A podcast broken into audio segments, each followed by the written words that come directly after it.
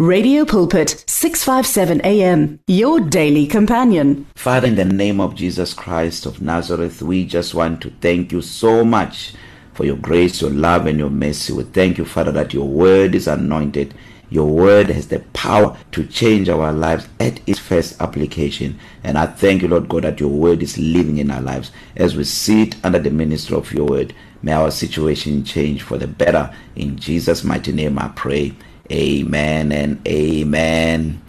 Welcome, welcome, welcome to the show today. My name is Pastor Kenny Mukwena, and it's time for you to experience the blessing. We are continuing with our conversation. The Lord is with you. I am encouraging you with you know this message for you to believe that you are not alone in 2023 God has gone ahead of you. He has made all the crooked ways straight. He is with you. He said, Lo, I am with you always even unto the end of the ages i believe with all my heart that the lord is with me i don't know about you as for me i have big dreams this year i have big goals this year i'm believing god for big big big things if you will see my journal i tell you i have written some things that i'm believing god for you know this year I just set myself apart to win souls more than ever.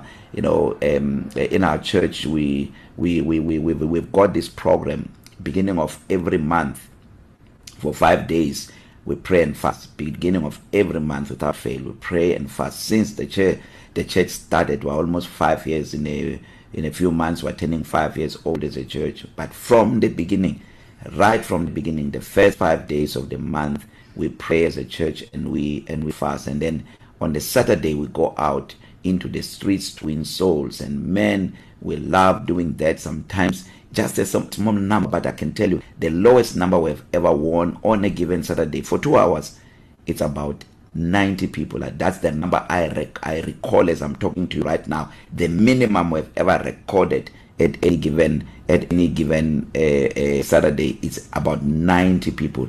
I remember in, in the month of March, March 2020, um, when because we started we started this um, in February when we finished with our 21 days of prayer and fasting. The month of February, we went out and we we went into this particular village one on one to win souls and and and and, and all that. And then beginning of March, we did a crusade and we recorded people that got saved. Over a thousand people got saved.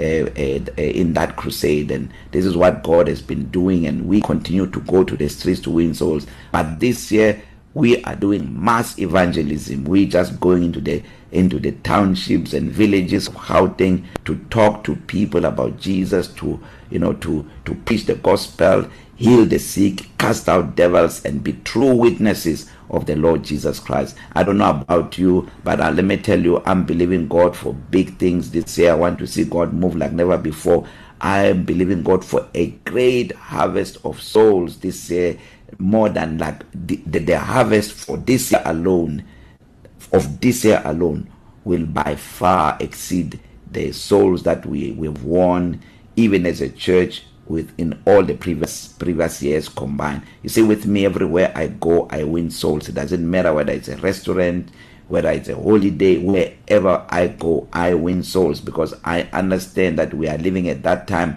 where Jesus Christ is coming back and is coming back very very soon and I'm I'm I'm very much aware of Revelations 22 verse 12 Jesus says behold I am coming quickly and my reward is with me to give to everyone according to their work. So this is my expectations for this year that God is going to use me to win souls. God is going to use me more than ever you know to heal the sick and cast out devils because this is what the bible tells us in mark 16 verse 17 these signs shall follow them that believe it says in my name you shall cast out devils you shall uh, uh, speak with new tongues you shall take up serpents uh, if if you drink any deadly thing it shall not harm you and says you shall lay hands on the sick and the sick shall recover this is what i'm believing god for and i want you to set your hopes very very high i know a lot of people when they talk about the beginning of the year because people are oblivious of the fact that the Lord is with them. They they they, they believe very less. They limit their believing to things that touches their flesh. You oh, all know this year I want to exercise and they only exercise you know for 3 weeks in the year and then the rest of the year no exercise but they continue to pay. So it's like money is exercising they are nowhere to be found.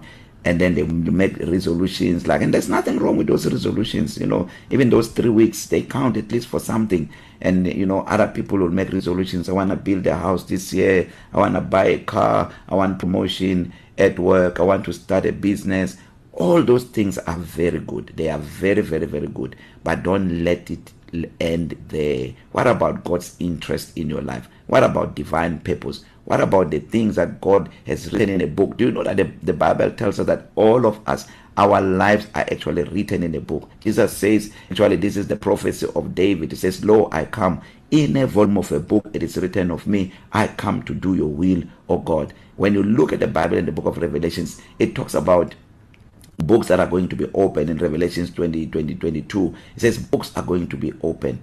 Uh, and and everyone will be judged according to what is written in the books. So there are books that are going to be opened. There is a book that is going to be opened. In the book of life, it is the names of all the saints that have accepted Christ. But in the books, it is where our lives are written. So I want you to know that God has got plans for you this year.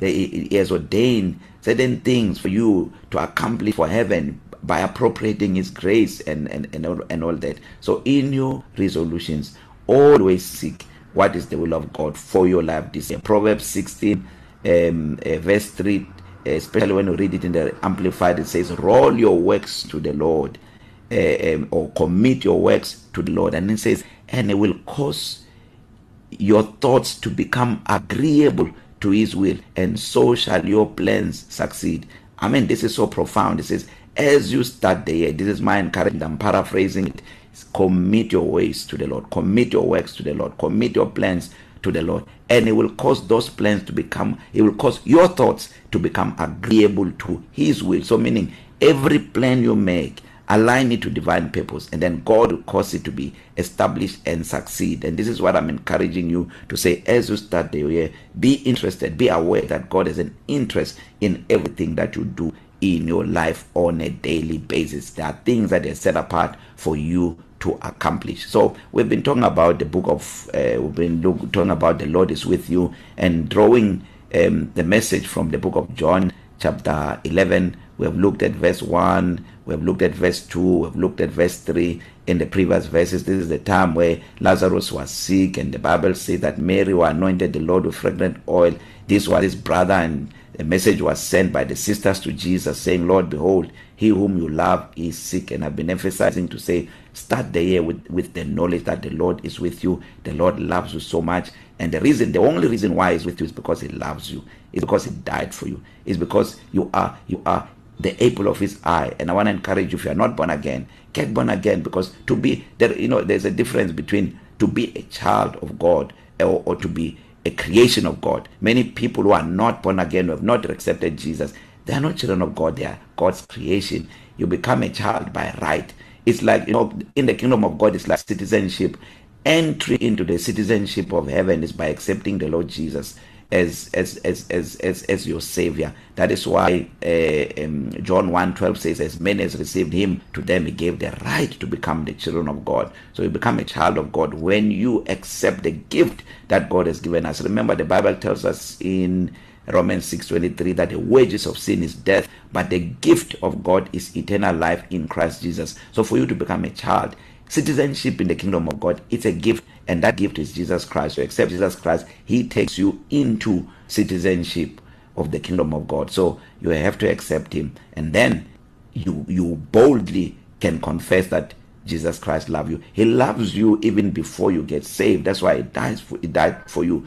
But don't don't end it there don't approach him as an outsider approach him as someone who is inside and this is this matters for some of you think this does not matter remember when Jesus Christ came and that Canaanite woman was following him where the daughter was demon possessed he told her that I cannot take the children's bread and give it to little dogs because those that are outside according to the book of revelations are little dogs but the moment you say yes to Jesus you become a child of God you are no longer destined to die in hell but now you receive the forgiveness of your sins so know that God loves you so much he loves you so much he sent his son to die on the cross because he loves you now verse 4 says when Jesus heard that he said this sickness is not unto death but for the glory of God that the son of God may be glorified through it now this is so important there's a number of things I want to mention here to just encourage you and prepare you as you start the year. I've been saying in previous broadcasts that I believe with all my heart that we are in a season of glory.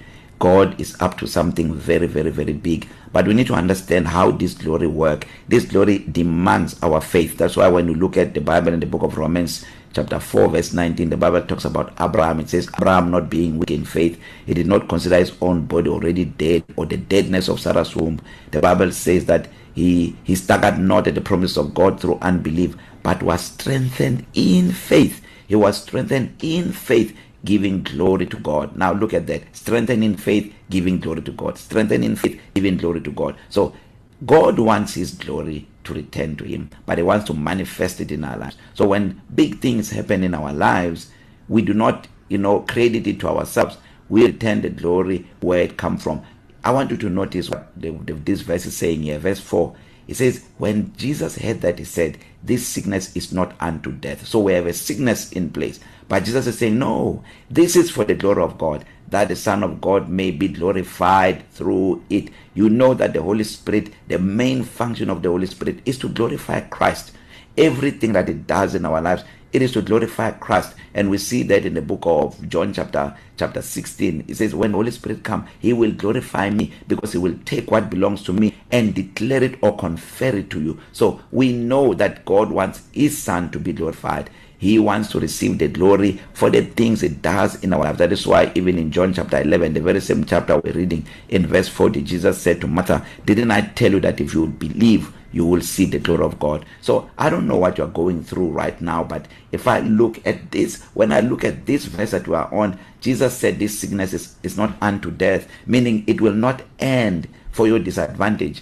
it will end for your good. He's telling his disciples, he says, This one is for the glory of God, that the, that the Son of God may be glorified through it.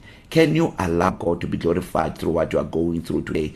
God can only be glorified when that situation is out of the way, and the Son of God will be glorified when you have faith in what He has done on the cross. And I want you to see here because the Bible says, But for the glory of God, the glory of God become manifested when what you are going through it's no longer there let me say for instance in the in the case where we are where we, on what we're talking about when lazarus is healed or lazarus is raised from the dead that is the glory of god but when this when we talk about the son of man that the son of man the son of god may be glorified through it is when god displays his sonship on the lord jesus christ now The Lord Jesus Christ is no longer here physically, but he is here living in the inside of us.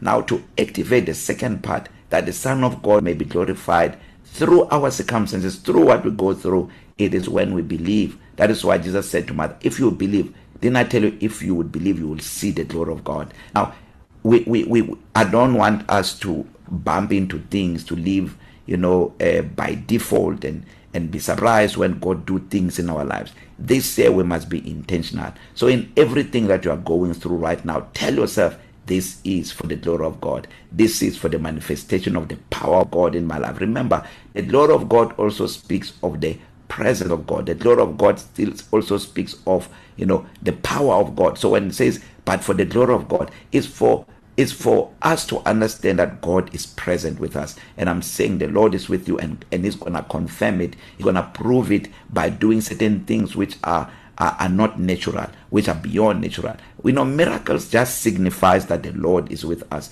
and today I want to say to you before I close the broadcast that the Lord is with you believe it that the Lord is with you that situation you're going through is for the glory of God God is going to solve that situation but you must believe. And when you believe, you demonstrate that Jesus Christ is alive. And that's how the Son of God received the glory. When we believe to the end, the Bible talks about this is we are partakers of Christ. We are partakers of the anointed one when we hold the beginning of our confidence steadfast until the end. The Bible says in the book of Hebrews chapter 10 35, do not fling away. 38, do not fling away your confidence because it is a great recompense of reward. But if you draw back The Lord says, My soul shall not have any pleasure in you. So believe that your life this year is to bring glory to God. We live for the glory of God and for the good of people. May the Son of God be glorified through your life this year. May God use you to make a difference in the lives of others. May God use you, you know, to demonstrate power on this earth like never before. I speak His favor and His anointing upon your life today in the name of Jesus Christ. And if you are not born again, you want to make Jesus the Lord of your life. He says, "I'm the way, the truth, and the life. No one goes to the Father except by me." Just make this prayer with me. Say, "Lord Jesus, I receive you now as my Lord and my Savior."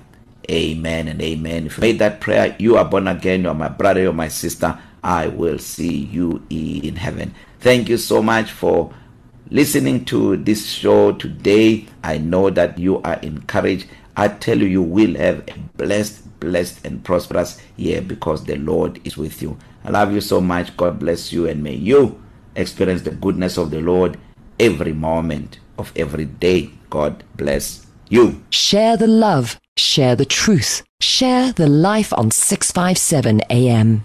Radio Pulpit understands that praying alone isn't always easy. So, join us to form a chain of prayer for you and with you. To do so, send in your prayer requests on 067 429 7564.